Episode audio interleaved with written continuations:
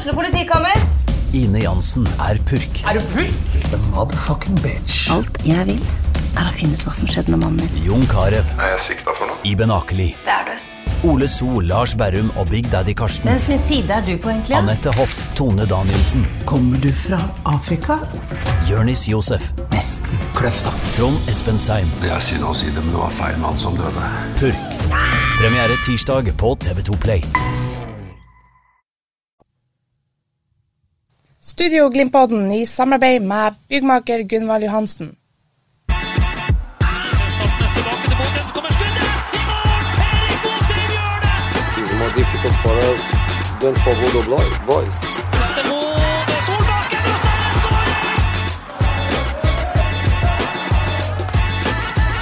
Let's enjoy it. Let's go. Det går jo knapt en dag uten at Bodø-Glimt gir oss mer å prate om og diskutere, og godt er det. Ny episode av Studio Glimt-podden. Mitt navn er Markus Rask Jensen, og i dag så har jeg med meg Freddy Thoresen, hans Glimt-ekspert, Trond Olsen, og eh, jeg vet ikke hvor vi skal begynne, gutta. Det, det, det har skjedd ting på Aspmyra de siste dagene. Trond, har du fått summa det? Ja, så vidt. Det, den ene kommer inn etter den andre, så det, det er gjenforeninger med, med to gode spillere, i hvert fall, som, eh, som Glimt har forsterka seg veldig med. Så det, det blir spennende å se fremover. Ja, Vi kan prøve oss på en liten oppsummering kanskje, av hva som er kommet inn og ut. Vi har sittet her og hoderegna og prøvd å ikke gå glipp av noen. Men eh, Trond, du har, du har lista der borte. Men eh, inn så har Glimt henta sju spillere i sommer. Ja, og det er Grønbekk, Sugelji, Kuber, Kuber, Fagerlund, Salvesen, Berg og Lode. Og så har jo en del forsvunnet òg i løpet av, av sommermånedene. Ja, eh, Boniface, Smiths og Sebastian Tenektri har eh, gått ut. Eh, også på lån Skau, Komson og Nordås gått. Vi skal selvfølgelig gå i detalj gjennom overgangene, og vi skal se litt på Glimts spillelogistikk de siste årene også. Der, der har det jo vært, det har vært turnover i Bodø-Glimt-stallen, for å si det forsiktig. Men hvis jeg får spørre deg først, Freddy. Eh, eh, hvordan, hvordan vurderer du overgangsvinduet til Bodø-Glimt? Du er glad i å sette børs, så hvis du skal gi en karakter fra 1 til 10, hva blir det? Nei, altså Jeg så Jeg fulgte med disse sendingene i går, og det var jo en 70% som mente at overgangsvinneren i dette vinduet er Bodø-Glimt. Eh, Det er jo bedømt kanskje ut ifra hvor mye penger de har brukt, men Bodø-Glimt har gjort noe vi knapt har sett i, i norsk fotball. Det er jo på en måte et overgangsmarked som er like spektakulært som eh, 2020-sesongen var i form av skåringer, poeng og seirer i serien, og de sprengte alle rekordene. Nå har de sprengt alle rekorder, egentlig, i norsk eh, målestokk med å, å hente en eh, dansk spiller. Og vi, vi, vi må nå bare gjette litt hva det er. Glimt vil jo ikke ut med sjøl hva, hva de har betalt for Albert Grønbæk. Eh, Danske medier er veldig presise, og vi kan jo sette en sånn minimum en 30 millioner norske totalt sett, hvis, hvis, hvis. Eh, de henter hjem Patrick Berg for en 40 millioner. Eh, angivelig det samme, litt i underkant av det Lans betalte for, for Patrick Berg etter sesongslutt 2021. Og Da er vi oppe i 70 mil, og så har de henta Salvesen. Noen sier 13 mil, noen sier 16 mil. Vi får legge oss midt imellom der når vi summerer opp. Nino Sugell fra eh, Maribor, eh, 10. Eh, Lukas Kuber, eh, noe billigere. Eh, Julian Faye Lund, noe billigere. I sum kan vi kanskje anslå at Bodø-Glimt har brukt oppimot en 100 millioner. Det er rimelig mye penger. Så sett i kroner og øre så er Glimt overgangsvinneren, men disse spillerne må jo ut på banen og prestere. Men, men, men det du, du snakker om nå, det er jo kun i overgangssummer. Og så kommer sign-on-fia og lønninger og alt det på toppen, så uh, summene er nok ganske mye høyere enn det vi uh, har estimert oss frem til. Og så er det jo sånn at Bodø-Glimt har fått inn penger i, i forbindelse med europacupspill. De pengene har de jo nesten klart, eller de har antageligvis brukt en sum tilsvarende det de har fått inn i prispenger i Europa i år. Hvor høyt spill spiller Bodø-Glimt, syns du, Trond? Eh, det er jo et uttrykk som heter at du kan spare deg til fant òg, så eh, jeg syns jo at eh, de gjør mye rett. Eh, de bruker penger for å forsterke laget, og i hvert fall mm, Patrick Berg vet vi jo at er en klassespiller og som kommer til å passe meget godt inn i, inn i det Glimt-laget. Grønbæk ser du har mye spennende for seg, og han må bare komme seg rett inn på det laget og få spille jevnlig, så, så tror jeg han kommer til å bli meget dy uh, dyktig og god for dem. Um, og så er det jo noen andre der som er tiltenkt uh, over tid, så du må satse litt og, og det. Men, men klart, du, du, du, setter jo premissene for fremtidige overganger og lønninger og, og, alt med det som skjer nå, så det, det kan bli tøft, fra, det, de vinduene som kommer òg. Ja, Freddy, vet, vet, vi noe om, om hva dette, denne overgangskarusellen, eh, inn og ut med Berg og Lode på et drøyt halvår, og, og, de nye spillene som kommer til, eh, hva gjør det med lønnsnivået i Bodø-Glimt? Tror, tror, du det vil vises allerede på neste års budsjett at det er løfta betraktelig? Altså, Jeg vet ikke hva det vil si. Bodø-Glimt eh, Vi trenger hjelp fra Wikileaks for å finne ut eh, detaljene i Bodø-Glimt. Men jeg tror eh, grunnlønna i Bodø-Glimt er ikke eh, rørt så veldig mye med. Det jeg kan garantere, er at spillerne har eh, høye bonusordninger. Det er høye bonusordninger for å kvalifisere seg til gruppespill i Conference League, eventuelt Champions League og Europa League. De er høyere enn eh, de har vært før. Og det her er jo en sånn type ting som er ny for klubben og ny i spillerne. Jeg har sagt det før, før 2019-sesongen så var det ingen av Glimt-spillerne som har huska på å få i sin kontrakt med Bodø-Glimt at jeg må pinadø ha en bonus i tilfelle vi tar sølv. Det var vel snarere kan jeg få en bonus hvis vi ikke rykker ned. Mm. Uh, så det er nye tider, og der, og der har på en måte glimt, glimt, vokst fort. Så det er ingen tvil, nå har spillerne en bonusordning. At de skal litt ekstra i, i lønningsposen hvis de tar seriegull, hvis de tar medalje, hvis de kvalifiserer seg til Europa, og ikke minst seier eller uavgjort uh, i Europa, så er det også at uh, Så det, det bonusordningen har steget. Så har Trond et godt poeng som, som men, men, jeg vil på en måte sette litt i perspektiv, det poenget til han Trond. For Molde, hvis ikke jeg forsto det helt feil i går, hadde et bud inne på Odin Bjørtuft fra Odd på over 10 millioner. Det ble ikke akseptert sist jeg sjekka. Bodø-Glimt betaler et sted mellom 13 og 16 millioner for en spiss i Lars Jørgen Salvesen. Molde betaler 15 millioner for en 27 år gammel midtbanespiller fra HamKam. Så når når Bodø-Glimt skal ut og hente spillere, og ønsker å hente en Isak Mete fra, fra Ålesund, eller Lars Jørgen Salvesen fra Strømskose, så blir det ekstremt dyrt. Nå kan de hente Marius Lode gratis, og så kan man spekulere på da. Altså For meg er det klin likegyldig om Marius Lode putter fem millioner i et sign-on-fee i potten for å signere for Bodø-Glimt. De kunne risikert å måtte betale 10 millioner for å komme i posisjon til å gi han den kontrakten de ønsker. Så de, de bruker nok dette sign-on-fee mer og mer, og jeg forstår det. Det er en måte, en teknisk måte å gjøre det på. For skal de ha den type spillere, så kan inngangsnøkkelen være 15 millioner. Altså 5 ja. millioner mer enn verdien er egentlig, rett og slett fordi at selgende klubb vet at det er Bodø-Glimt som kjøper. Men Isak Mete er da 21-22 år. Når du slo deg 29, så det er en viss forskjell der på hva du også har i eh, eventuelt videresalg. Så det, du, du, ja, du, må ta det òg ja, i betraktning. Og, og det er med i, eh, i regnskapet. Og når det gjelder Marius Lode, så vet Glimt hva de får. Når det gjelder uh, Patrick Berg, så vet også Glimt hva de får. Så ser vi jo det at uh, de har gitt rett, syns jeg, å hente Sigurd Kvile fra i litt i overkant av en million fra Åsane, men han har fortsatt ikke spilt seg inn på laget. Jaffet Seri Larsen kosta noe mer, dansk U21-landslagsspiller. Det vi har sett av han når han har spilt, er at han gjør personlige feil, og han blir skada. Så det er jo det vanskelige her, og, og han koster lite grann. Vi vet enda ikke om han slår til.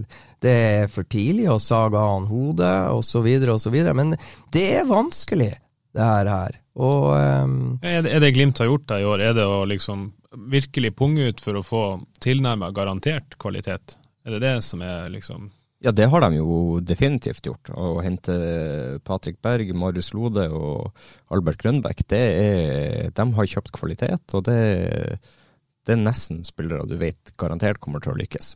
Og en annen ting, så er det en gang sånn. Jeg tror at en av de som hever eh, sin egen pris hvis en klubb ønsker å kjøpe. Det er Hugo Vetlesen i hele 2022, så tror jeg at han har øka sin markedspris hvis en utenlandsk klubb ønsker å komme og kjøpe han fra Bodø-Glimt. Kontrakten går ut etter 2023, så hvis Glimt skal på en måte unngå å slippe han gratis, som de kan risikere med Alfons Samsted, Nikita Haikin og Ola Solbakken, hvor kontraktene går ut etter 2022, så, så tror jeg, eh, hvis Glimt har litt flaks her nå, så har uh, Hugo Vetlesen en god uh, et godt gruppespill i Europa League, og da blir prisen på han øka. Men hvis Albert Grønbæk har den samme utviklinga, så er prisen allerede høyere bare fordi at han har dansk pass. Så enkelt er det.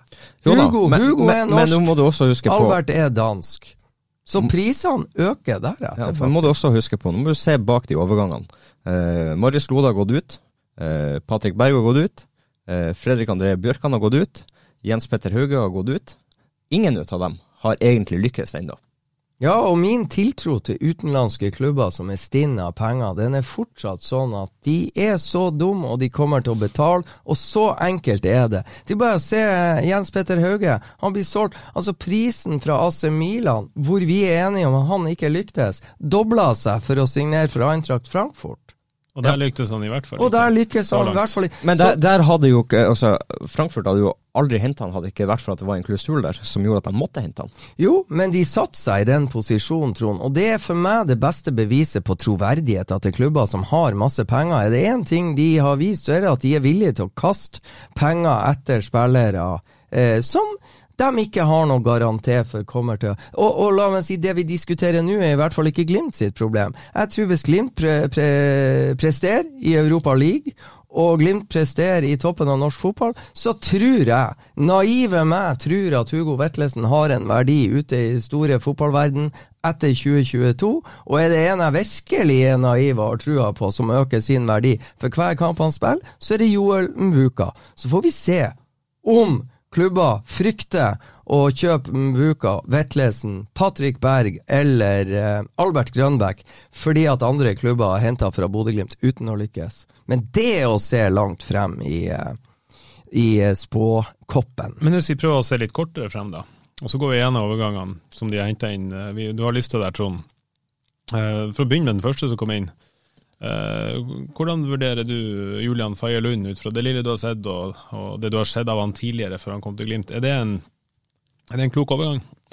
Uh, en overgang jeg er skeptisk til. Uh, det jeg har sett av han, det er at han har enkelte kamper som er ok, og så er det mange kamper som er helt på det jevne. Uh, at han er en keeper som skal være førstekeeper på, på et topplag, i Eliteserien og spille i Europa, det er jeg mer usikker på. Vi prøvde jo visstnok å kjøpe Leopold Valstedt i går, ble det rapportert i TA. Ifølge Valstedt sjøl så var budet altfor lavt, som, som, han sa. Er det et tegn på at uh, de fall ikke altså, man har ikke en klar oppfatning på Aspmyra Freddy, om at Faye Lund er en fremtidig førstekeeper, nødvendigvis? Nei, det tror jeg ikke de har. Og, og det der med Leopold Hvalstedt, det, det, kom jo et bud midtsommers på, på Leopold Hvalstedt, så jeg sliter nå fortsatt med at Det så nå for meg ut som budet, størrelsen på budet var akkurat det samme, så da er det naivt av Bodø-Glimt å tro at de skal få kjøpe han for samme prisen som de prøvde i sommer uten å lykkes, når Odd da siden sist har sendt eh, Sondre Rossbakk på lån til, til Vålerenga. Så eh, tegnet tenker nå jeg er at uh, Glimt må ha en keeper til. Uh, de står neppe i inngangen til 2023 kun med Julian Faye Lund, men uh, jeg har på en måte vært skeptisk. Og Markus Andersen, da, som er i ja. Kappen. Ja, jeg tror uh, at han må ut Nå har de jo fått Nå så jeg nå på trening i dag at en keeper som på denne tida i fjor dro til Roma, er tilbake og trener med Bodø-Glimt, så der har de nå en ung, lovende keeper til. Men jeg tror eh, på det nivået Glimt spiller nå, og hvis Nikita drar, så tror jeg de skal ha to eh, rutinerte, gode keepere. Julian Faye Lund kommer til å være en av de. Så blir det veldig interessant å se hvilken liste Glimt legger seg på. Men den utviklinga Ricardo Friedrich og Nikita Haikin ikke minst har hatt under Jonas Ulan Uland Kolstad på trening eh, i Bodø-Glimt, de har hver for seg vært spektakulære å følge. Jeg hadde egentlig ikke trua på Ricardo, syntes han var for liten. Hadde aldri hadde egentlig heller ikke trua på Nikita Haikin etter hvert. Men eh, det skjedde noe med Nikita den dagen Joshua Smith kom på flyet. Og Men begge de to keeperne du nevner her nå, syns jeg faktisk har vært bedre enn det Faye Lund. Ja, jeg er enig med deg, men jeg syns ikke de var bedre enn Faye Lund de første treningene jeg så de. Men de har, hatt, de har tatt enorme steg. Og jeg forventer at Julian Faye Lund tar store steg etter hvert som han kommer inn i systemet i Bodø-Glimt, men jeg er litt enig med han Trond. Hvor store steg kan han ta? Jeg mener jo at eh, Ricardo Friedrich han var bedre enn det Faye Lund er i, i dag, og når, når han kom, så eh, jeg syns Faye Lund har en lang vei å gå for å bli den keeperen Glimt ønsker. Bare sånn av nysgjerrighet, spilte du når Ricardo kom? Fikk du noen treninger med han, eller hadde du stukket til Sogndal? Hvordan var det? Nei, det har jeg spilt med han. Ikke sant? Ja. Ja, det er veldig interessant. Eh, Haiken var jo, De første kampene han spilte, så så han jo relativt nervøs ut og, og tabba seg ut en del. Så da, Ja, det- jeg, jeg tror ikke det var mange som hadde spådd den utviklinga på etter- Ja, men så var det en periode der med keeperne. De bytta jo keepere fra an- annenhver kamp. og det, det er som med alle andre utespillere. Det, du trenger noen kamper på, på rad og får litt trygghet og tillit. så det, det jeg har litt å si trenger ikke Faye Lunde. Ja, men jeg syns ikke han har visst det i de klubbene han har vært. Han sto fast i, i uh, Mjøndalen eh, en god periode. og uh, jeg syns det er litt for, litt for mange enkle mål som slippes inn. De har henta en hel del andre. Vi kan kanskje hoppe litt over sånn Lukas Kuber, for det er jo ingen av oss som egentlig vet veldig mye om han. Eh, Du har Ja, men jeg kan, jo, jeg kan jo si, altså, akkurat det der Lukas Kuber, det er en ting jeg, jeg, jeg liker. Det koster Bodø-Glimt nesten like mye eller lite. Bodø-Glimt går nå og henter en eh, tsjekkisk landslagsspiller fra Sint-Truiden i Belgia. Og de må nesten bare betale utdannelseskompensasjon. De gjør jo det samme som Nordsjælland har bygd opp hele klubben sin på. De henter billig og ungt. Så istedenfor å bare hente eh, typ Fredrik Sjøvold fra Tiller, så går de nå og henter en sjekker eh, fra en eh, belgisk klubb. Han har ikke proffkontrakt. Og det jeg ser med han, jeg ser jo at de prøver å hente en rollespiller, en sideback med ekstrem fart. Du har sett han litt på trening nå, denne uka. Eh, Det, det er først nå, denne uka de hadde ei ukes opphold mellom kampene Ja. omtrent. Og da har de fått trent litt, grann, litt storbåndspill og sånn. Du har sett han et par ganger. Hva er førsteinntrykket? Jeg skjønner hvorfor. Jeg skjønner hva de ser i han. Han har ekstremkompetanse i fart, hurtighet, frekvens, forflytning. Og så er han jo ung, og, og uh, ung og litt dum, og det skal inn i et helt nytt system. Men jeg skjønner hvorfor de har henta han. De har henta han pga. fart, fotterapeut, og, og hvis han tar stegene inn i inn i det systemet som Bodø-Glimt ønsker å få til på, på A-laget, så blir det steike interessant å se hvor lista hans er. Hvor, hvor lang kontrakt fikk han? Nei, det har jeg ikke i far. Om det er tre eller fire år, det, det tør jeg ikke å si. Men, men når, du, når, du, når du må hente en norsk spiller og må betale over en million for, og du vet ikke hva du får, så, så syns jeg det er interessant at de, at de utvider horisonten. Det er jeg enig i. Men han må ha et øh, en, en plass å få vist seg frem, og det andre laget til Glimt det, det er så som så. Ja, de må- og, og, og, og får han noen muligheter på førstelaget, og hvor lang tid går det? Det ikke- går, går det tre år før han først får en mulighet her, og Jo. plutselig ut av kontrakt, så forsvinner han jo. Jo, så det, det, det, det er mange spørsmål der. Ja, det er mange spørsmål. Så syns jeg på en måte Isak, Men tankegangen er rett. Isak Helstad Amundsen og Joel Mvuka har på en måte gitt mange svar til, til mange i troppen til Bodø-Glimt. Ta vare på sjansen, vær forberedt når den kommer, grip den. Ikke stå med lua i handa og se hjelpeløs ut. Ta steg, utvikle deg. Og Isak, det må jeg bare si, han var på et utlån i Tromsø, og det Ja, han fikk loggført borti 20 kamper, men noe sånn voldsomt med selvtillit og selvtillitsboost, eh, det, det kom han jo ikke hjemme. Men måten han har klart å være forberedt på i en treningshverdag hvor han har trent med reservene og de som av og til er å slippe til på B-laget, mens A-lagsspill, eller de som starter i serie eller Europacup for Bodø-Glimt, er å restituere. Så Isak har på en måte staka ut en kurs som i hvert fall viser at det er mulig. Og så er det jo sånn at Glimt har ingen, mener jeg, ingen venstrebacker i troppen utenom Lukas Kuber akkurat nå. Nei, det har de og ikke. en, en av de to backene som faktisk er i troppen, hvis du ser bort fra Lukas Kuber, etter Alfons Samstedt. Kontrakten hans går ut etter sesongen. Jeg mener jo Kuber bør jo kanskje på et halvår klare Hvis han har noe for seg, så har han en ganske gyllen anledning til å, å, signalisere at jeg har lyst til å være med i den diskusjonen.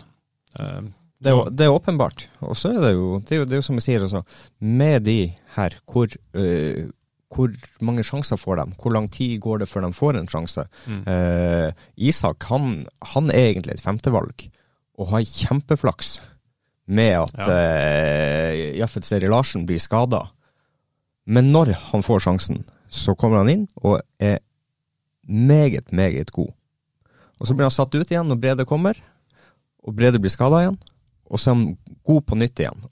Og den kampen han hadde hjemme mot Dinamo Zagreb, den er helt, helt, helt enorm.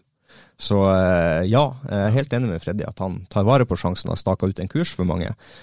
Men hvor mange det er litt tilfeldig at han får sjansen. Ja, hvor um, mange får den muligheten med den type rullering de har på laget? og eh, En midtbanespiller i Glimt i dag, han er nesten sjanseløs hvis han ikke er eh, nummer én, to eller tre.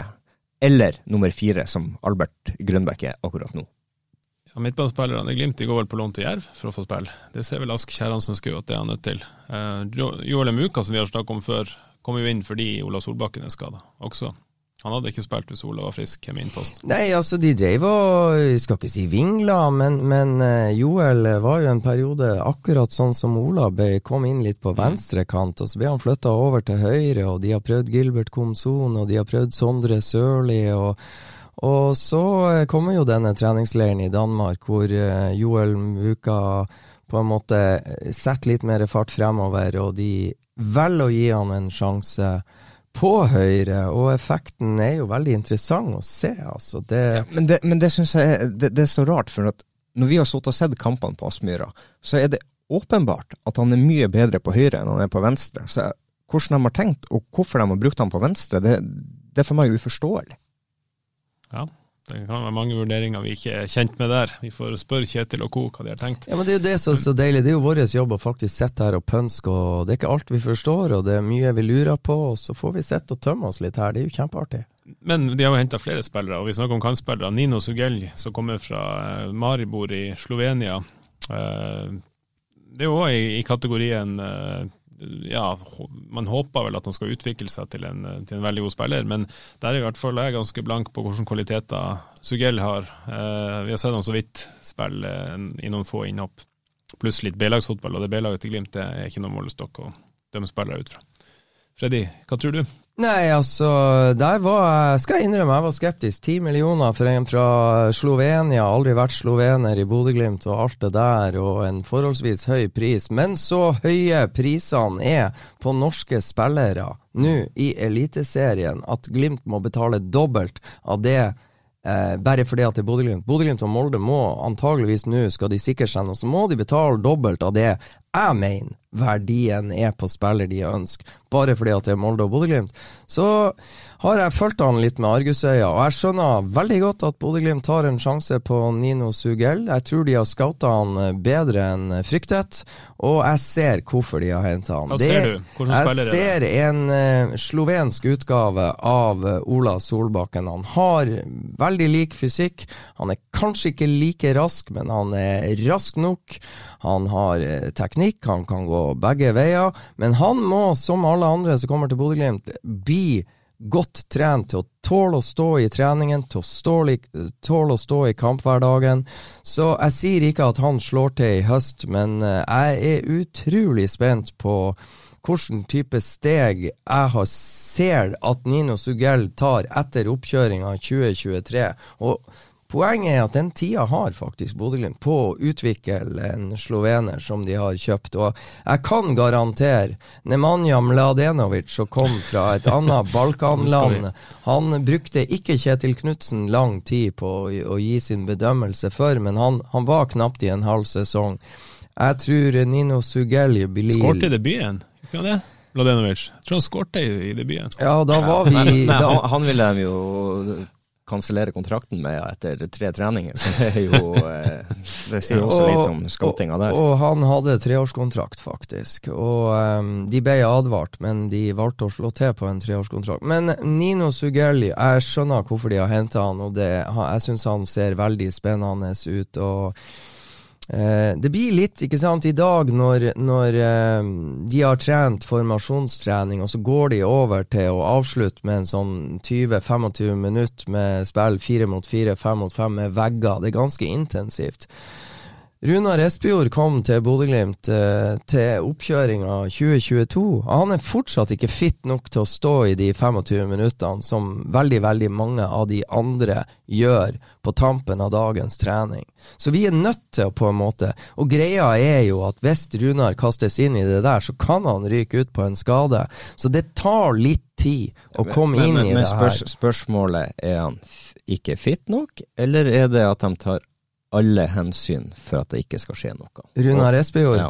Ja. det er ak akkurat der. Altså, det, det, det, det er stor forskjell på egentlig være fit nok til å tåle den belastninga, eller å være smart på å eh, regulere belastninga så du ikke skal ryke på noen ting. Og det er to helt forskjellige ting. Ja, og der tror jeg de er med Runar Espejord. Og så mener jeg at det er viktig for flest mulig å komme og få loggført så mange som mulig av de spillsekvensene på tampen. For da, når de har kommet seg gjennom det, da kan jeg garantere deg at de tåler å stå to kamper i Ja, uka. Men det var jo det de gjorde med Amor Lajoni, f.eks. i hele 2018, eh, 2017 og 2018. Han sto jo over Mm. ekstremt mye spill og ekstremt mye løping. Fordi at han skulle eh, ta de små stegene hele tida. Og det var ikke fordi at han ikke til enhver tid ikke klarte det, men det var fordi at kroppen ikke tålte mer, og at du passa hele tida på at du ikke skal ryke på en skade. Det tok jo Eh, lang tid med Ola Solbakken nå i, i ja, så det er altså Ja, jeg tipper mange tåler det, men du, du, du, du, du har heller lært av noen ting som gjør at du ikke skal få noen tullete skader. Og så tenker jeg at med det bakteppet der, så tenker jeg at jeg er steike spent når Nino Sugell har vært igjennom det her eh, ut 2022. Jeg tror han har kvaliteter i seg til å vise seg frem eh, allerede i innhoppene han eventuelt måtte få. Eh, Gilbert Komson lånte ut, så det kan jo bli litt flere av de, for da rykker han jo opp en plass i køen, får vi tro. ja. Så nei, jeg skjønner hvorfor de har henta han. De har jo henta flere spillere enn det. Vi har snakka i en hel podkastepisode om Albert Grønbæk, har vel allerede slått fast her at Trond og Freddy i hvert fall har veldig tro på at dette er en kvalitetsspiller. Og så har de henta Patrick Berg og Marius Lode. Vi snakka litt om Patrick Berg. Han blir omtalt som en eh, nesten garantert uh, suksess. Det er jo ikke lenge siden han var i akkurat samme rollen, i akkurat samme laget, med akkurat samme trener. Um, Marius Lode, Trond. Går han rett inn i elveren og presterer fra dag én? Eh, han kommer ikke til å starte i helga, eh, det er jeg overbevist om. På- om et par, ei til to til tre uker, så ja, ei til tre uker så er han inne i elveren. På bekostning av hvem? Ja, i, i, sånn som jeg ser det, så er det jo, er det jo Marius Høybråten som, som bør ut av det laget, da. For jeg syns eh, det Isak eh, Amundsen Helstad har gjort, og den måten han tar ball med seg fremover og forserer ledd og setter opp andre, den er ekstremt viktig å ha. og det det trenger du for å skape overbalanse, eh, eller ubalanse i lag som, som prøver å, å, å demme opp for Glimt. Så, så det, er, det er i hvert fall det jeg mener. Ja. Hva tror du Kjetil Knutsen mener, Freddy? Hvem ser han for seg i stopperposisjonene utover høsten? Nei, du kan si jeg vil begynne med at mot Salgiris hjemme og borte så hadde Glimt to stoppere tilgjengelig. Mot eh, Dynamo Zagreb hjemme og borte hadde de to stoppere tilgjengelig, så det var nå Guds lykke at verken Isak eller Marius Høybråten ble skada. Nå har de plutselig fem. Eh, Ja, Sig- mer, eller mindre tilgjengelig. Brede er jo fortsatt jeg sa, ute. jeg sa fem, og Ja. du kommer eh, Sjettemann er ute. Han er tilbake etter at antageligvis eh, For å ta Brede, så er han tilbake, tror han sjøl, etter landslagspausen. Det skal spilles to kamper i Europa og tre kamper i serien. Da tror Brede Mo tidligst han er tilbake. Så han Men kan, det kan som har- Men det som, har, eh, det som har skjedd siden eh, Glimt møtte Dynamo Zagreb, er at Jaffet Seri Larsen er klarert for trening. Og Sigurd Kvile, som ikke var klarert for spill i Europa, er klarert for seriespill. Og så har de da henta Marius Lode, så nå er de fem, plutselig. Og da blir jo selvfølgelig konkurransen skjerpa. Så det var bare nu, De var, for ei lita uke siden, så var de to. Nå er de fem. Men hvem starter av de fem, Freddy? Nei, jeg, Tror synes, jeg tror han Trond eh, i, i, Mot Molde tror jeg Isak Helstad Amundsen og Marius Høybråten starter bak for Bodø-Glimt. Det tror jeg òg. Jeg, jeg sa ikke at jeg var enig i det, men jeg tror det. Ja.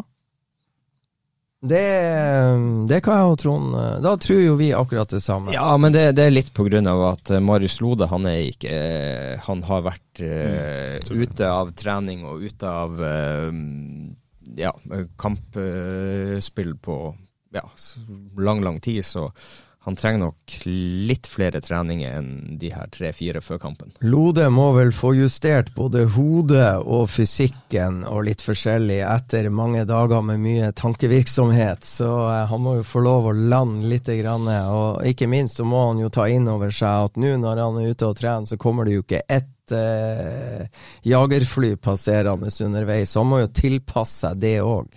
Akklimatisere seg. Ja. Vi skal se litt lengre på sperrelogistikken til Bodø-Glimt også. Janus, ja, nå ser- du har, eh, du har lyst til å si noe mer? Ja, vi har jo ja, vi har glemt Lars Jørgen. Ja. Ja, vi har glemt Lars Jørgen Salvesen. Eh, det begynte jo fantastisk for Lars Jørgen skårte i debuten, eh, og var et friskt puss i presspill osv. Eh, og så har jo faktisk Runa Espejord kommet inn og tatt opp konkurransen litt med Salvesen. Trond, eh, hvordan vurderer du spisskampen akkurat nå? Den er ganske jevn. Eh, begge har, eh, har gode kvaliteter i forhold til hvordan Glimt ønsker å spille. Eh, men eh, sånn som vi ser det akkurat nå, så, så ligger uh, Runar Espejord litt i, i forkant. Og det tror jeg kanskje er litt, litt av at eh, Lars Jørgen har fått en liten dupp etter han kom hit. Det ble mye belastning på han, og det har skjedd eh, eh, ja, vært, vært mye å skulle sette seg inn i. Så, um, og, Runar har sett frisk i de, de, de siste kampene, så eh, Har han fått seg en, en boost av konkurransen? Har, han, har det gått en, en F i han?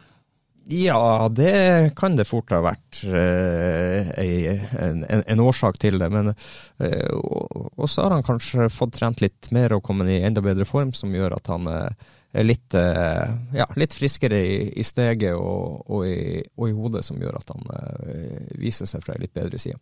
Der tror jeg han Trond har helt rett. Eh, Runar har vært en lengre periode i Glimt. Han begynner å komme inn i det. Han begynner å tilvenne seg, han begynner å tilpasse seg. Han er stadig kvikkere, og stadig kvikkere i vendingen og tenk kjappere. Så uh, Og så- og så er det jo litt, Han kom inn rett i et rotterace her i Ja. vinter uh, som, som, som gjorde at han fikk ekstremt mye belastning. og ja, Det skjedde mye rundt han. Uh, skår- Skåring i debuten og ja, eh, fikk enorme forventninger i forhold til hva det er å være spiss i Glimt, med, med historikken på hva alle spissene de siste årene har levert. Så, så har det vært eh, litt tøft for han, og så har han fått en liten eh, en dupp her på, på sommeren, og eh, han har nok ikke vært veldig fornøyd med å verken sitte på benken eller ikke fått eh, eh, visst eh, hva han er god for. Så jeg har trua på at han kan få en veldig, veldig fin høst. Har du trua på Lars Jørgen Salvesen hvis du ser, ser det i et lengre perspektiv? Han har jo visst at han er en, eh, en meget god spiss, og han har eh, levert varene eh, veldig i, Strømsgodset. Så jeg er litt spent på hvordan han takler det og skal være en av mange i, i Glimt som skal være fremtredende. Ja, og så tenker jeg det vi ser, det er jo han er jo Han har kanskje imponert mest i presspillet, men det kan hende han sprenger litt for mye i forhold til det han burde. Tømmer seg litt for tidlig for krefter. Og så øh, ønsker jeg å se ei stigning i programmet i det relasjonelle med medspillerne. Jeg syns touchen når Glimt trer opp av han fra stopperplass og, og, og så videre med litt eh, lengre distanse, så, så sitter ikke førstetouchen like bra som jeg skulle ha ønska. Eh, så han må bygge på andre elementer med spillet sitt som, som gjør at han blir en enda mer komplett eh, Glimt-spiss. Da var vi ferdig med overgangene i, i sommer. I hvert fall inn. I hvert fall inn. Eh, ja, Vi kan vel i hvert fall Nevnte vi de som har gått ut? Vi kan, vi kan ramse de opp, i hvert fall. Vi snakka oss jo helt bort her. Men, eh, men, hvem som har gått ut eh, igjen? for å ta det? Boniface gikk ut. Ja. Eh, Joshua Smiths ut, og mm. Tonekti ut. Eh, ja. På lån så har Glimt sendt eh, Skau ut, Komson og Nordås. Helt OK, alt det, eller? Ja, øh, absolutt OK i forhold til at øh, den troppen de har er, er begynner å bli altfor stor. Og da øh, er du nødt til å sende av gårde noen for å få, for å få spilletid og få utvikling. og ja, Harmonien i gruppa har også ganske mye å si. og Får du for mange som som faktisk ikke får lov til å delta på trening, så kan det begynne å bli veldig skummelt. Så jeg får spørre dere om et par, par navn her òg, som jo havna veldig langt bak i denne køen etter hvert. Og Vi kan, kan jo ta en Sigurd Kvile, som vi har vært inne på. Eh, han er vel, alt etter hvordan du ser det nå, så er han jo regnet som femte eller sjette valg i stoppekøen til Bodø-Glimt. Ja, eh, han er jo et sjettevalg, så, så lenge Brede Moe er frisk, så er jo han et sjettevalg per dags dato. Ja, alt, alt etter hvordan du rangerer Jafed Seri Larsen, da. Men de, men de, to er nok bak de andre fire. Altså, Sigurd Kvile var outstanding på trening i går. Da var han en av de aller beste stopperne. Så potensialet til Sigurd Kvile er skyhøyt. Uh, han, hva, ja, Men hva tenker han da, når det er fem foran i kveld? Ja, jeg tror Sigurd Kvile er en som virkelig håper på et utlån denne høsten. Og jeg tror det er mulig for Bodø-Glimt og Sigurd Kvile å få til et utlån til en annen klubb denne høsten. Det tror jeg i hvert fall er Sigurd Kvile sitt ønske. Og da kan jeg bare si for Glimt-fansen, følg med. Jeg håper det går bedre enn med forrige korsvei, da forrige utlån endte i ti minutter, og så kragebeinsbrudd.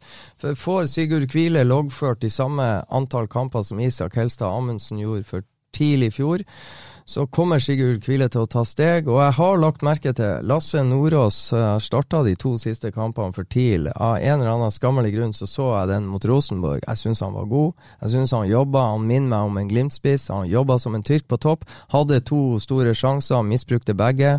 Mot Strømsgodset så fortsatte han å jobbe veldig bra. Fikk også en sjanse, klarte ikke å skåre. Så jeg frykta med gru at han kommer til å skåre sine to første for TIL mot Glimt på Alfheim om ikke så altfor lenge. Men uh, der er en ung, lovende gutt som er i positiv utvikling på utlån. Uh, så vil jeg bare si Victor Boniface var artig, skåra sitt første mål i Belgia hjemme mot Anderlecht. Og Joshua Smith har starta alle kampene for William Tvei på nivå to i det i Nederland, ja.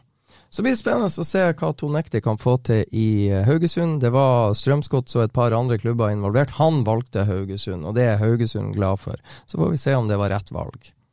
Trond, du hadde en kommentar? Ja, jeg tenkte på i forhold til eh, Lasse Nordås. Eh, mye av det du sier er jo, er jo faktisk rett. Men også når han fikk muligheten i Glimt, så visste han til dels mye av det han visste i Tromsø.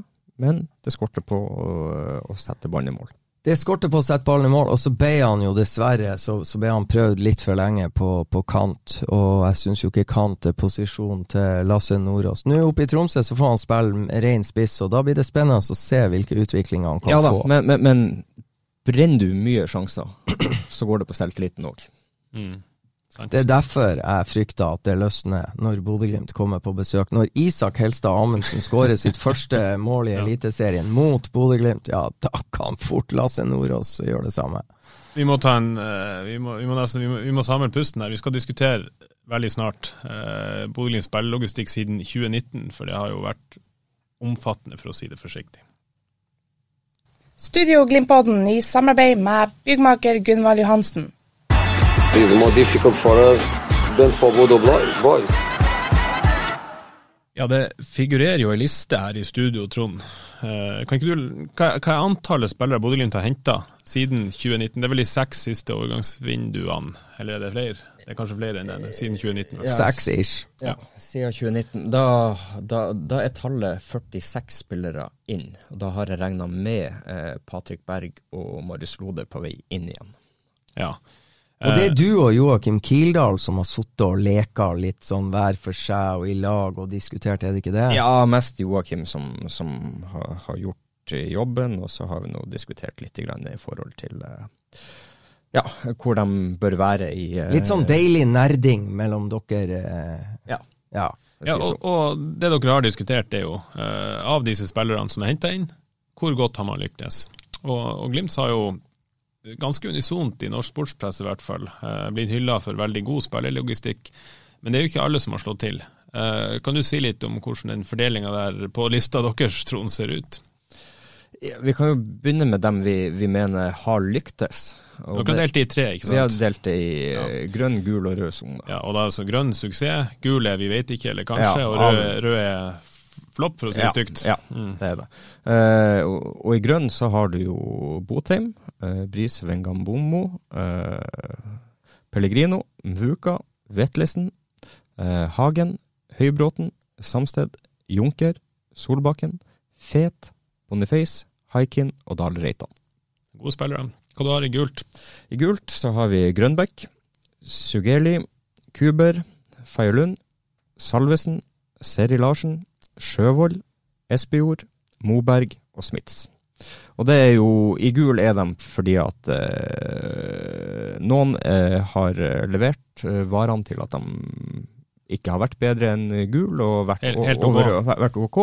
Og så er det noen vi ikke har sett nok, som, uh, som vi ikke kan verken putte inn en eller andre son som Det går ikke an å falle en dom nei. over Lukas Kuber og Nino blir, Sugell nå etter Ja, heller ikke, heller ikke Faye Lund og ja, det, det, blir tungt. Ja, og heller ikke Salvesen og Seri Larsen, uh, for det tida de har vært her er for kort, og vært for mye skada. Ja.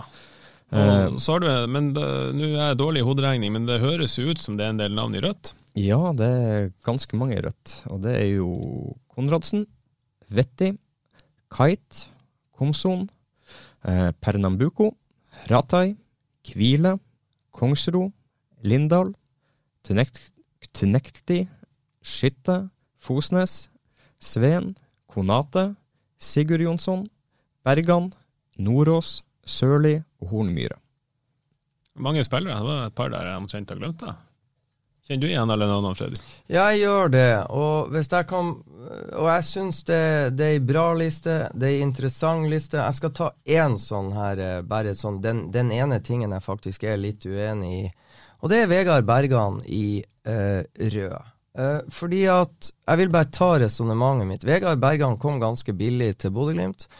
Han var med eh, i 2019 og var på en måte en sånn deilig backup for Brede Mo når Brede var skada, og så Marius Lode når han var skada.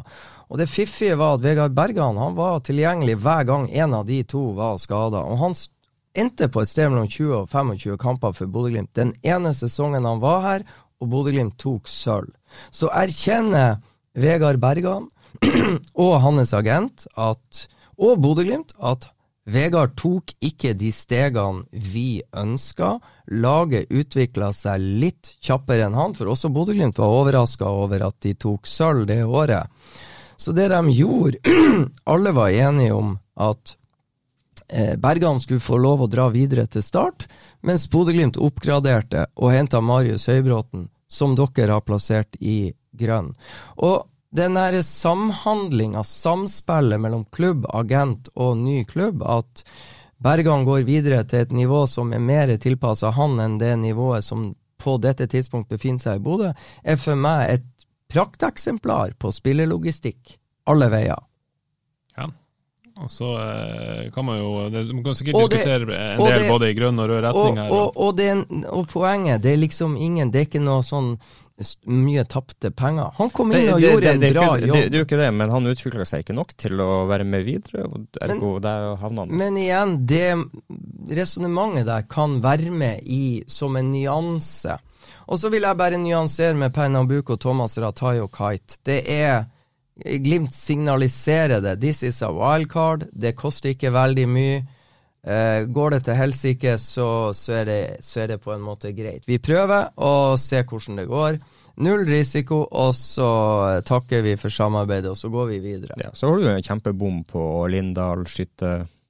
Lindahl og skytte er udiskutabel. Og det som er Jeg skulle gjerne ha likt å visst, altså Aksel Lindahl, hva Bodø-Glimt betalte for Degerfors, eller fra eh, til Degerfors for å få han. Han skulle erstatte Philip Sinkernagel, det var han jo ikke i nærheten av. Og nå eh, så skulle jeg også ha likt å visst prisen Kalmar FF måtte betale for å hente han fra Bodø-Glimt. Og i Kalmar FF så ser jeg et lag som gjør det ganske ok i, i Sverige, med Ricardo Friedrich i mål. Der starter Aksel Lindahl eh, som sideback. Eh, så jeg skulle likt å visst regnestykket her. Hvor mye måtte Glimt betale DG Fors, og hvor billig fikk eh, Kalmar FF Aksel Lindahl for? Mm. Så har du jo også Konradsen, Vetti. Konradsen er jo Du, du, du har Vetti i rødt? Ja. Er det, er det tidlig å ha Vetti i rødt? Nei, han eh, Nei, jeg syns ikke det. Han, eh, han, har ikke eh, levert når han har vært klar. Altfor mye skader. Og det han har visst, syns jeg ikke er mer enn at det er rødt. Jeg syns det, jeg er enig med Trond. altså Det er en nådeløs bransje, og vi må vurdere ut ifra det vi ser. Det, vi vil jo ikke Gaute Vetti noe vondt, men han har ikke overbevist de gangene han har fått sjansen. Han ble lansert som en av de største midtbanetalentene i norsk fotball. Det tror jeg fortsatt kanskje han er, men han har en del uh, koder å knekke, og, og nå i går og i dag så sies det at han har vært i London for å undersøke hofta, og så er det jo håp at uh, de finner noe på disse undersøkelsene i London som gjør at det blir lettere for Gaute Vetti å på en måte trene riktig i forhold til de skavankene du eventuelt måtte ha, og ta nye steg etter hvert. Men, men, men, men lang vei ut. Ja, men hva skal du med han fremover? Altså, uh, Patrick Berg han kommer til å spille der i 15 år. Uh, så lenge han er i Glimt, så kommer han til å spille på den plassen der. Så Elias Hagen da er backup, og Gaute Vetti skal være nummer tre på sentral midtbane. Du har ikke bruk for han. Nei, det er som jeg sier, skal du rigge en toppklubb, så må du eh, Du kan ikke rigge deg for at eh, elveren din til enhver tid aldri får karantene, aldri får skade. Så nå var det sånn at Bodø-Glimt gjorde valget å hente Gaute Vetti fra Sarpsborg. De har et valg. Hvis en klubb er villig til å legge penger i potten og kjøpe Gaute Vetti, og Vetti gjør De er så stuck med de avgjørelsene de har tatt, så vi kan liksom ikke gi opp helt, helt enda. Så regner jeg med at Og blir Patrick Berg skada, så går Ulrik Saltnes inn som, jo, sentral. Jo, men som jeg sier, de, de valgte å signere Gaute Vetti. Da må de stå i det og prøve å optimalisere, og så vil det vise om det kommer bud fra andre, og da kan Glimt selv. Og samme problematikk blir det med Jaffet Seri Larsen, som det på en måte gikk litt rykter om at Viking Uh, drev og, og, posisjonerte seg for å legge inn bud uh, på deadline day siste dag. Så det her er jo det interessante spillet. Og i det interessante spillet med det vi vet nå, så, så, er det i grunnen en riktig plassering i eh, sone rød. Mm. Eh, og Så har du Elias Hagen i grønt. og det er jo liksom, Man blir jo veldig farga nå av at man eh, punger ut masse penger for Patrick Berg, men har Elias Hagen vært en udiskutabel suksess? Eller er det noe sånn der han kom for så lite og var et utviklingsprosjekt og han har gjort det bra? Og ja, i, i den måten at han eh, leverte meget bra i fjor, når han måtte inn og erstatte han eh, Patrick. Så, så, gjorde han det veldig bra. Eh, ikke like bra i år, når han fikk plassen som, som fast. Han har ikke tatt steget, eh, Han har liksom. ikke tatt det steget helt opp. Men i forhold til de forventningene jeg har hatt til han, og det han har levert, og, og kanskje spesielt da i, i fjor, så så er han eh, så, så, vipper han opp i, i, i grønt for meg. Eh, så, eh, for, for, for, du kan ta et annet eksempel. Vegard Moberg. Han skulle Med det han har levert, så er han nesten nede i rød. Men fordi at han eh, har vært en så viktig eh, mann på trening og i treningsarbeidet, så så er han gul. Man kunne nesten ha vært grønn. Og relativt billig for klubben, ja. vil jeg tro. Han kunne nesten ha vært grønn pga. den mentaliteten og den treningskulturen han har bidratt med. Jeg er enig med Trond. altså Vegard Moberg kan du putte i grønn, og det blir ikke feil, egentlig. Og så syns jeg at det med Elias Hagen, som vi må ha med, det var jo veldig få i Bodø og veldig få i norsk fotball som var klar over Elias Hagen i det øyeblikk Glimt faktisk signerer han. Så tidspunktet de slo til og signerte Elias Hagen, de spotta noe, de signerte han. Han spilte første del av sesongen på lån for Grorud i Obos, og så kom han opp til Bodø og fikk vise seg frem i den formidable 2020-sesongen med en spektakulær kamp på Aspmyra mot Rosenborg. Flott innhopp eh, på Marienlyst mot Strømsgodset da det historiske seriegullet i 2020 ble, eh, ble sikra. Så både i forhold til pris og tidspunkt de oppdaga kvalitetene hans, er forbilledlig og soleklar eh, i eh, grønt. Og så skulle jeg som Trond og mange andre ha ønska Så hadde, hadde Elias Hagen hatt den utviklinga vi forventa på sentral midtbane for Bodø-Glimt i 2022, og, og også kanskje klubben, så er ikke jeg like sikker på at Bodø-Glimt hadde henta hjem Patrick Berg. Men Elias Hagen, du skal ikke glemme det. Han har faktisk seks målpoeng i år. Som sentral midtbanespiller. Og Det, det er vel nesten flere enn Patrick Berg har totalt. Ja, og så, skulle jeg likt å visst hvor mange av de er det som er cornere, og hvor mange cornere er slått for å få de målpoengene. Jo da, men, Patrick Berg kommer men- til å slå de men- cornerne nå òg. Jo, men, eh, ja, men eh, jeg tenker nå som så at eh, vel så viktig som målpoeng er antall vunne dueller defensivt og hull lappet i den sentrale rollen. Men det er et godt poeng, han har seks målpoeng, og det kan vi ikke ta ifra han. Han, jo, han har jo et, et blikk for, og en evne til å slå, slå gjennom ledd på sitt beste, som ingen omtrent i Glimt matcher. Jo, det, det er helt rett. Og hvorfor så? Hvorfor var han ivrigere og giftigere de ti minuttene han fikk som innbytter mot Jerv i Grimstad nå i siste seriekamp, kontra en del av de andre kampene? Det er jo fordi at han er irritert på at Ulrik Saltnes kommer inn og får lov å spille sentralt, og at Ulrik Saltnes starter, og så tenker han sikkert nå skal jeg pinadø vise dem, og så er han litt mer foroverretta Han har, enn han han har har blitt for komfortabel med at Mm. plassen er hans. Og så, og så har han ikke klart å eh, Det var levere tanken var jo at Vetti skulle konkurrere med, Og- med Hagen. Og ikke sant, den, den eh, konkurransen ble det aldri. Jeg tror Trond har rett, og så er det den lille fella som det er lett å gå i når du er 20-21 år. Altså. Det, de er under konstant eh, opplæring og fintuning i det her systemet, og presset og trykket er tøft, altså. Nå skal vi leke litt med lagoppstillinga til Bodø-Glimt. Eh, først så har jeg lyst til å si det laget som Kjetil Knutsen kommer til å stille med, når nå de her er innrullert. Det skal du få Og så lov skal til. dere få lov å sage meg ned etterpå. Uh, men det er selvfølgelig Nikita i mål. Så det er Alfons og Bris på backene. Det er uh, Brede Moe og Marius Lode, hvis begge er friske og fit. Det er Patrick Berg, Ulrik Saltnes og Hugo Vetlesen. Og så er det Joel Muka. Jeg tror Lars Jørgen Salvesen og Amal Pellegrino. Det tror jeg laget Kjetil Knutsen kommer til å velge. Hva tror dere? En gang i framtida. Ja, så Altså, stort, sett, stort sett gjennom hele Østen hvis alle er skadefri. Okay. Ja, da ikke, ikke langt unna, men uh, sånn som det er akkurat per dags dato, så mener jeg laget er Haiken, Samsted, Lode, Amundsen, Bris, Vetlesen, Berg, Grønbekk, Mbuka, Espejord og Pellegrino. Og det laget bør starte i helga. Da vil jeg spørre deg et direkte spørsmål. Tror du Kjetil Knutsen benker Ulrik Saltnes i en viktig kamp, hvis Ulrik Saltnes er 100 Nei, det vet både jeg og du at det ikke kommer til å skje. Tror du det, Freddy? Nei, dere har helt rett. Eh, laget som starter i helga, kommer til å være eh, Alfons Samsted, Brisveen Magomo på back, Isak Helstad Amundsen, Marius Høybråten, en midtbane bestående av Hugo Vetlesen, Patrick Berg, Ulrik Saltnes, Joel Mvuka, Runar Espejord, Amahl Pellegrino. De kommer til å starte, er min spådom. Ja, det, er- det er fasit. Det kommer til å bli laget. Det er nesten 100% Men du ønsker, eh, da, hvis vi, opp mot det laget som vi tror Knutsen kommer til å stille med etter hvert, når alle er skadefrie og sånn, så ønsker du, du ønsker, ønsker du Isak inn også på bekostning av Brede? Ja, eh, sånn som det er akkurat nå, så eh, er Brede Han har vært eh, skada lenge.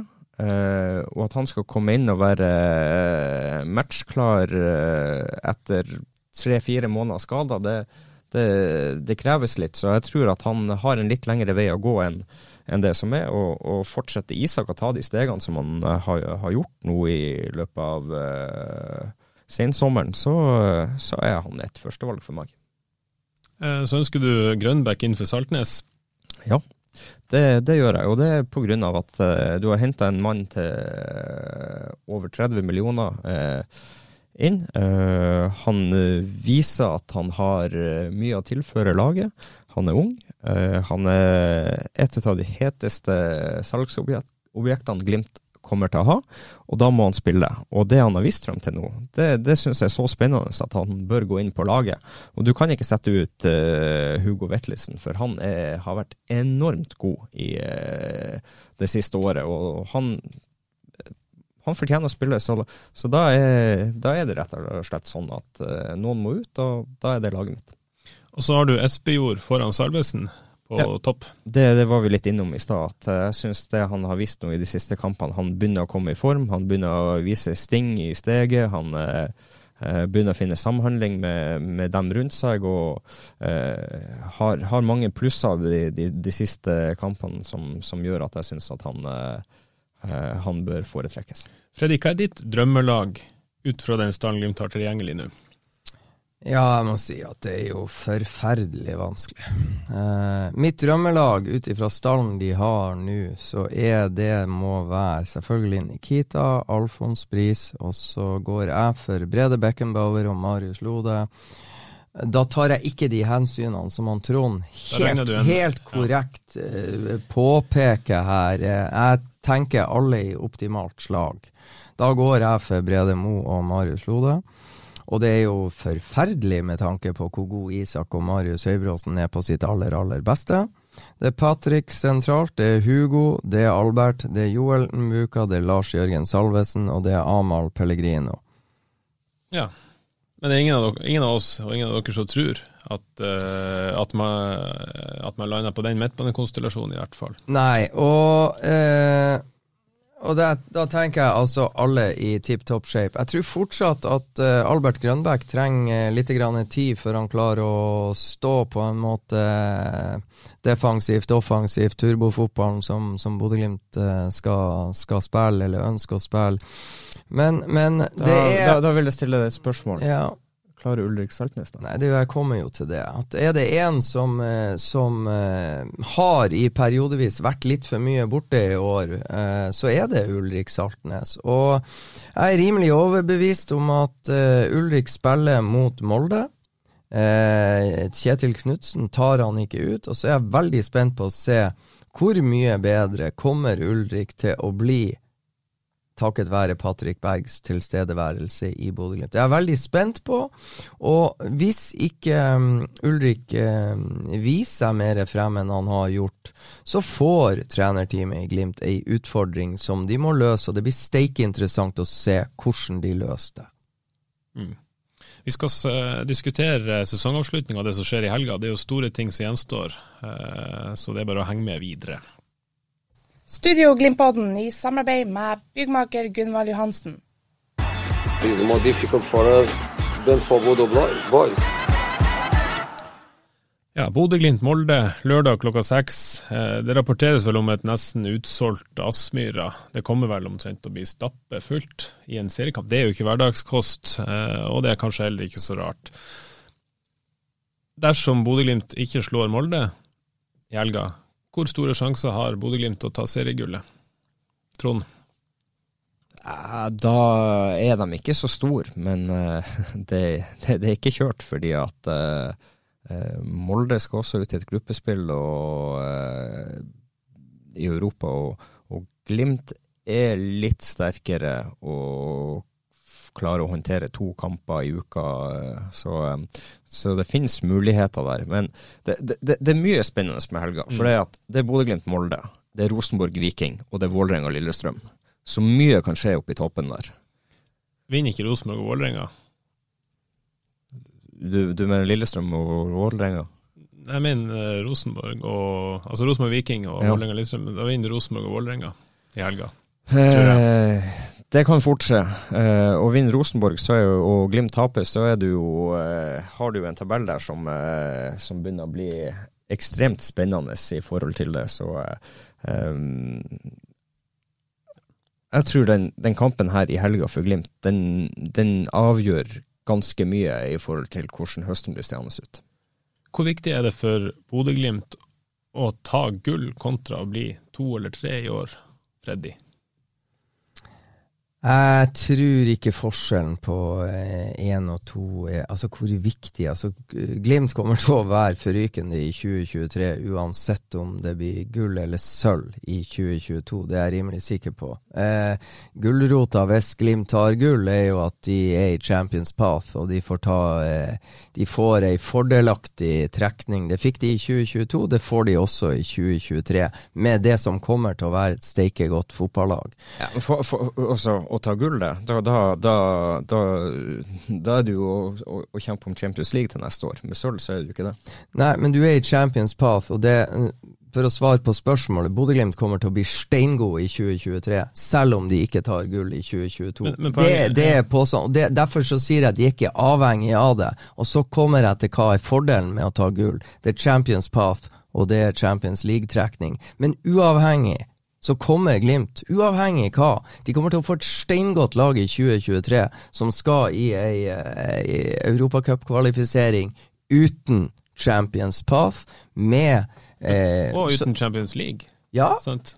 Da Champions League-muligheten forsvinner. Ja, men jeg vil, jeg vil, ikke si at verd, jeg dør ikke om ikke Bodø-Glimt spiller Nei, Champions League. Du, du, dør ikke, men, men fordelene er så store der ja. med, med, med, å vinne serien at det handler om spillere inn, eh, hvem du kan hente, og, og, og, og spillerlogistikken. Så lenge du er med og kunne kjempe ja. om Champions League, så kan du lokke noen. Jeg tror ikke Bodø-Glimt er avhengig av å vinne seriegull hvert eneste år for å ha de mulighetene vi sitter og prater om her. Det, det men, tror jeg ikke i det hele tatt. Men eh, til spørsmålet spørsmålet Det er en fordel, men jeg tror ikke de er avhengige av det. Og så til, tilbake til Skal de ha noe som helst mulighet på å ta seriegull, så er de nødt til å slå Molde hjemme på Aspmyra. Og det blir lettere sagt enn gjort. For er det noe Molde har gjort i år? For det første så ta, klarer de jo ikke å tape en kamp. Men de har jo endra seg, blitt mye mer defensivt. Ligger bakpå, stenger rom, det er de jævla gode til. Og så har de kontringsspillere til å kontre inn. Og det kan vi få lov, dessverre, å se på, eh, på Aspmyra på lørdag. Altså. Har vel eliteserienes farligste kontringsspiller på banen på lørdag. I ja, ikke bare én.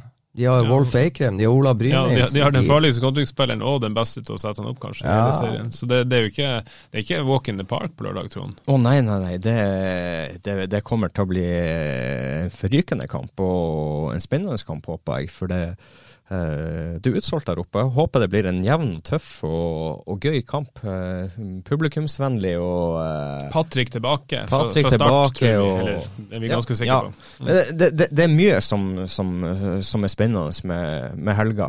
og, og, selvfølgelig håper vi på, på en seier til Glimt. og, og og at du ser et sprudlende Glimt-lag, men jeg håper også på en jevn og tett kamp som blir artig å se på. Men du snakker om det her med å være avhengig av å lokke til dere spillere. Sånn, altså, om, det, om, det, blir Champions League-mulighet eller ikke. Det er ganske vanskelig å komme til Champions League, som vi har sett i år uansett. Men trenger ikke laget å spille kamper på det nivået for å fortsette utviklinga når man kjøper spillere for 100 millioner? Må man ikke, må man ikke fortsette å ta de stegene for å Altså, man har jo henta på ei høyere hylle nå trenger ikke Patrick Berg å kjempe om Champions League-plass for å fortsette å, å Nei, men han trenger å komme seg inn i et gruppespill i Europa høsten 2023. Om det er Conference League, Europa League mm. eller Champions League, er ett fett. Jeg, jeg, jeg, er litt uenig der. Du, du, du, er der. Du er i Europa League i år. Og eh, jeg syns det er ekstremt viktig for Glimt å vinne ligaen i år. Pga. mulighetene til Champions League. Du er mye nærmere å komme inn i et eh, gruppespill i Europa League. Og så er det Mikke Mus-ligaen, som jeg kaller det. Men det, også, det er nivå tre. Men det, det, er satt på spissen. Veien er jo tøffere også til Europa League, Freddy, hvis de blir nummer to. Ja, som jeg sier, jeg forbeholder meg retten til å være uenig. Jeg tror ikke Bodø-Glimt som klubb er For det høres sånn ut. Bodø-Glimt som klubb er etter min vurdering ikke avhengig av å vinne seriegull hvert eneste år. De er heller ikke avhengig av å spille Champions League hvert eneste år. Det syns jeg på et vis klubben har bevist. Og så men det er veldig, for meg er det veldig viktig å ha denne europagulrota. Der er det en pengepott som er større enn å vinne den hjemlige ligaen, og der ønsker jeg, og der rigger Bodø-Glimt seg til for å være. Og så vil ikke jeg komme og sette noe dom over og guri malla, det er dommedagsprofetier for det at Molde faktisk viste seg i 2022 å være bedre enn Bodø-Glimt. Nei, der går ikke jeg nå. Jeg skulle jo selvfølgelig ha ønska at de tar mm. seriegull, men at det er tidenes katastrofe Nei, det blir jeg faktisk det, det, ikke med på. Det er vel ingen av oss som har sagt at det er tidenes katastrofe heller. Så vil jeg også si, bare, som, bare for å ta det Molde-laget, som altså presterer å tape 1-0 hjemme for Wolfsberg, eller hva det var i Østerrike, og så kommer de på bortebane mot kjepphøye østerrikere og kontrer de i senk og vinner 4-0. Glimt må se opp for Molde hjemme på Aspmyra. Ja, og fått, av, har fått en advarsel eller to mot Molde allerede i år, sånn sett. Så Molde vant cupfinalen, Molde vant enkelt i Molde. Det var for øvrig Bodø-Glimt eh, er ganske mye bedre nå enn de var i de to kampene der. Så Men det blir interessant. Men tror du, altså det, det er jo noe med forventninger fra omgivelsene. Når Bodø-Glimt går og blar opp 40 millioner for Patrick Berg og 30 millioner for Albert Grønbæk, og 16 eller 13 eller 10 eller hva det er for Lars Jørgen Salvesen, er ikke det, er ikke det en investering i eh, vi skal vinne seriegull? Ja, det syns jeg. Du, eh, du, du, går jo og kjøper spillere for å være det beste laget. Og det er klart at nå er du sju poeng bak, eller åtte-sju. Det er sju. Det er sju poeng bak per dags dato. Du kan være ti poeng eh, eh etter helga. Eller du kan være fire. Eller det kan jo være samme. Så for Glimt sin del så er denne kampen ekstremt viktig i forhold til høsten, og hva du eh, kjemper om i forhold til seriegull eller ikke. Eh, taper du den, så er mest sannsynlig toget gått for seriegull. Og da er det fremdeles mye å kjempe om for en andre- og tredjeplass, men eh, ikke den høsten vi ønsker og håper at det skal være. Og det er ingen tvil, etter dette overgangsvinduet her, hvor Bodø-Glimt bælmer ut uh, borti 100 millioner på nye spillere, så er det jækla mange som forventer at de skal slå Molde. Veldig mange forventer det, og jeg bare prøver å si at det er lettere sagt enn gjort. Det blir brukt litt penger på Molde sin stall opp gjennom årene nå, må vi ta med. Det er ikke noe miniputtlag som kommer. Um, og så har de jo en, et Europa League-gruppespill i tillegg. Eh, så hvis jeg får spørre dere åpent, er, du snakker om forventninger, Fredrik. Hva er dine forventninger til Bodø-Glimt i serie og i Europa League i år? Hva forventer du at Glimt oppnår?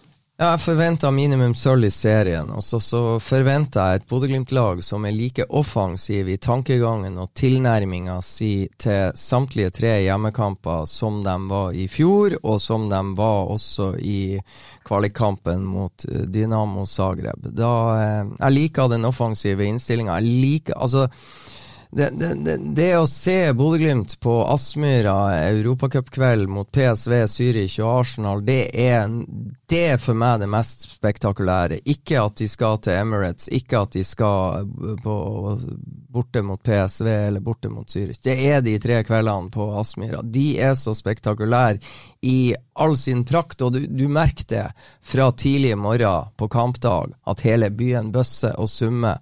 Og jeg forventer at Bodø-Glimt-spillerne tar ut den offensiviteten og den godfølelsen og går i strupen uansett hva motstanderen het, og heter. Og på sitt aller beste så tror jeg de er i stand til å slå samtlige tre lag på Aspmyra. Tror du de er i stand til å gå videre?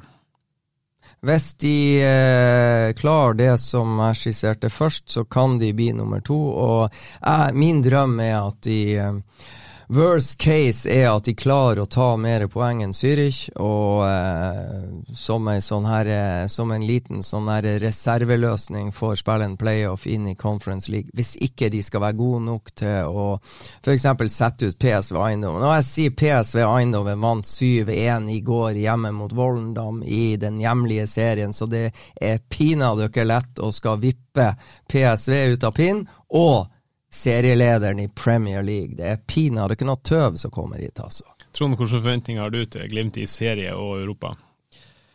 Nei, jeg, er jo, enig med, med, med, med Freddy at uh, jeg forventer minimum sølv. Uh, og jeg forventer at de slår Molde i helga og kjemper om gull hele veien. Uh, så Eh, det er mine forventninger i forhold til det. Så, uh, Men i Europa har de, eh, har de en realistisk sjanse? Det er litt, altså Freddy er inne på det. PSV og Arsenal det er i europeisk sammenheng så det er veldig gode fotballag. Arsenal, ja, Arsenal, er kanskje et nivå for lavt i år i forhold til hvor, hvordan de presterer i ligaen. Det er de nok, men Roma og Celtic og Alkmaar er også Roma leder i Italia nå. Ja, så ikke sant. Altså det, det, det, er gode lag de har møtt. Og å få eh, ja, Arsenal, PSV hit på Aspmyra, det, ja, det er kunstgress. Det kan være surt og mørkt og kaldt og, og jævlig, og det er en fordel for Glimt. Eh, så eh, at de har eh, sjanse til å ta poeng mot dem på hjemmebane, det er jeg overbevist om. Men da må de være på topp. De må levere varene, og de må være godt forberedt på hva som møter dem. Når det gjelder Zürich, så kan de ta tre poeng både hjemme og borte mot dem. Og så kan de være heldige å få med seg ett poeng borte mot, mot PSV.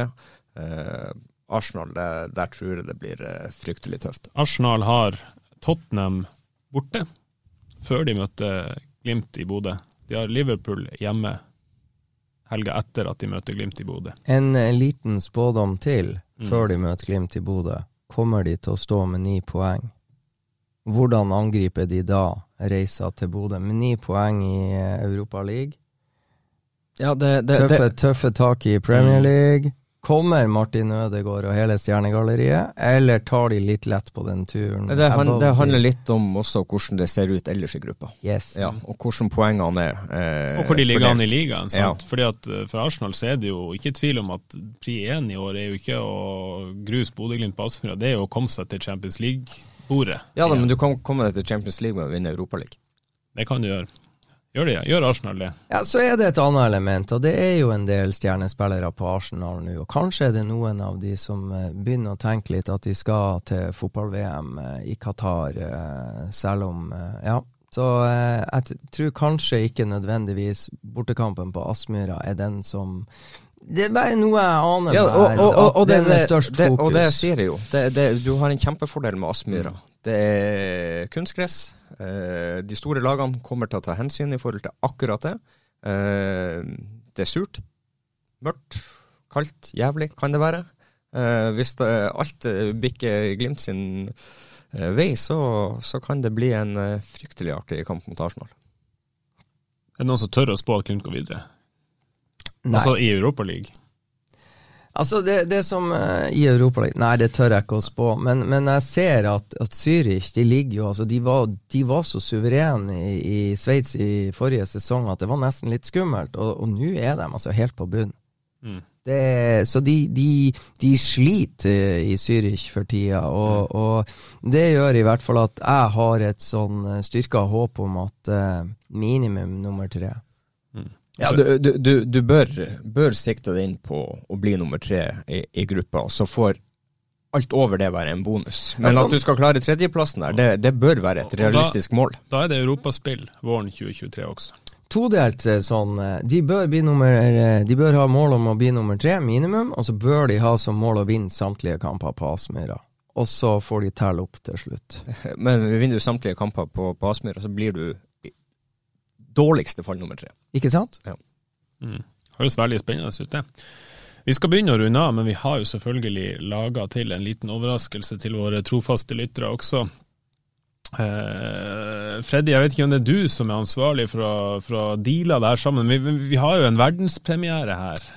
Ja, det, det er en verdenspremiere. Intet Lover du det? Er det, verdens, det er verdenspremiere? Ah, visst er det verdenspremiere. Og det er, vi har altså av alle ting eh, blitt sittet i eh, Litt tilfeldig kanskje, men vi er blitt sittet i kontakt med Julian Assange og hans venner i Wikileaks, og de eh, Du kan jo sette meg inn i hva det var slags eh, arkiver de på en måte sørga for at verden fikk på en måte en slags tilgang til. Det var både FBI og Pentagon og you name it, og de bare lekka ut. Nå har de vært på ferde i Norge, og av alle ting her i verden infiltrert selveste Glimt i Steigen. Glimt i Steigen-arkivet er åpna, Ja. eh, og, eh, og i det arkivet Det er kanskje ikke et arkiv, men det har jo kommet oss for øre at eh, Glimt i Steigen skal lansere det som vi blir fortalt er høstens store hit. Ja! Glimt i Steigen styrer med steike mye annet enn bare fete tweeter som får folk til å flire seg fordervet, og de heier på Glimt, og de er Nei, det er en herlig gjeng, og de er også ikke bare herlige, de er ekstremt kreative. De har jobba lenge, sier, sies det fra Etter det vi vet. Ja, den, vi, den lille informasjonen vi sitter på, så har de jobba steike lenge. Og de har vært i studio, de har spilt inn en låt. eh, Det er da Glimt i Steigen med Ballast. Husbandet til Glimt i Steigen. Ja, Ballast. Og vi har ikke, har ikke kommet oss for øre hvem de er. Men, og de har laga en låt som heter Gule lanterner. Og det her er av kjærlighet til Bodø-Glimt, det har kjærlighet til fotballfamilien, det har kjærlighet til fansen, og det Glimt i Steigen ønsker med låta Gule lanterner, det er på et vis å, å ta tilbake det helmørke 80-tallet, hvor Glimt lå så nede i gjørma så det bare går an. Men det selv da var, var det en viss kjærlighet ute og gikk til, til de helgule heltene deres, og de skal ta tilbake nå det mørke 80-tallet, og derfor så har de laga det musikalske her, er en slags 80-tallsinspirert powerballade. Hvor de har fått tak i en vokalist som heter Sasha Boré. Jeg har da prøvd å spørre hvem er Sasha Boré, og da fikk jeg til svar fra mine kilder i Wikileaks vet ikke. Men vi får lov! Denne låta skal lanseres med brask og bram i morgen i samtlige mm, medier hvor det går an å spre god musikk, så skal dette ut. Men takket være gode kontakter, så får vi altså lov å ha en verdenspremiere her. Og Da gjenstår det egentlig bare å takke for følget fra meg, Trond og Freddy. Og så får dere lytte til eh, teksten på Gule lanterner av Glimt i Steigen med ballast. Og så kan jo de som opplevde det mørke, mørke 80-tallet, tenke på det her når kanskje denne låta blir spilt før Glimt Arsenal på Aspmyra litt senere i høst. Takk for følget, og vel bekomme.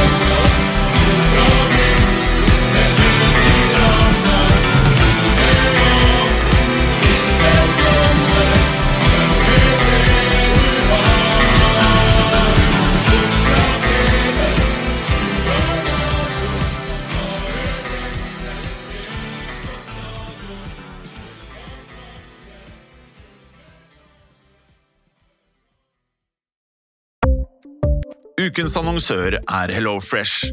HelloFresh er verdens ledende matkasseleverandør og kan være redningen i en travel hverdag. Mange av oss har nok vandret i butikken både sultne og uten en plan for middagen, som ender med at vi går for de samme kjedelige rettene gang på gang. Middag burde være dagens høydepunkt. Som Hello Fresh kan du nå velge mellom 25 ulike retter hver eneste uke, eller få Hello Fresh til å sette sammen menyen for deg. Dette gir deg muligheten til å prøve nye og spennende retter alene eller sammen med familien. Du velger antall porsjoner og får alt levert på døren på et tidspunkt som passer for deg. Oppskriftene er enkle, og maten er lett å lage både for store og for små. Ved å få alt levert hjem får du også mer tid til å dele matgleden med familie og venner. Kanskje det frister med asiatiske tacos eller greskinspirert kylling? Da kan jeg anbefale deg om å gå inn på hellofresh.no. Her kan du bruke koden FOTBALL og få opptil 1779 kroner i rabatt på de første fem matkastene hvis du ikke har prøvd Hello Fresh tidligere. Du kan også bruke rabatten hvis du har vært kunde og stoppet abonnementet ditt for tolv måneder siden eller lengre. Gå inn på hellofresh.no og bruk koden FOTBALL. Har du et enkeltpersonforetak eller en liten bedrift? Da er du sikkert lei av å høre meg snakke om hvor enkelt det er med kvitteringer og bilag i fiken, så vi eh, gir oss her, vi. Fordi vi liker enkelt. Fiken superenkelt regnskap.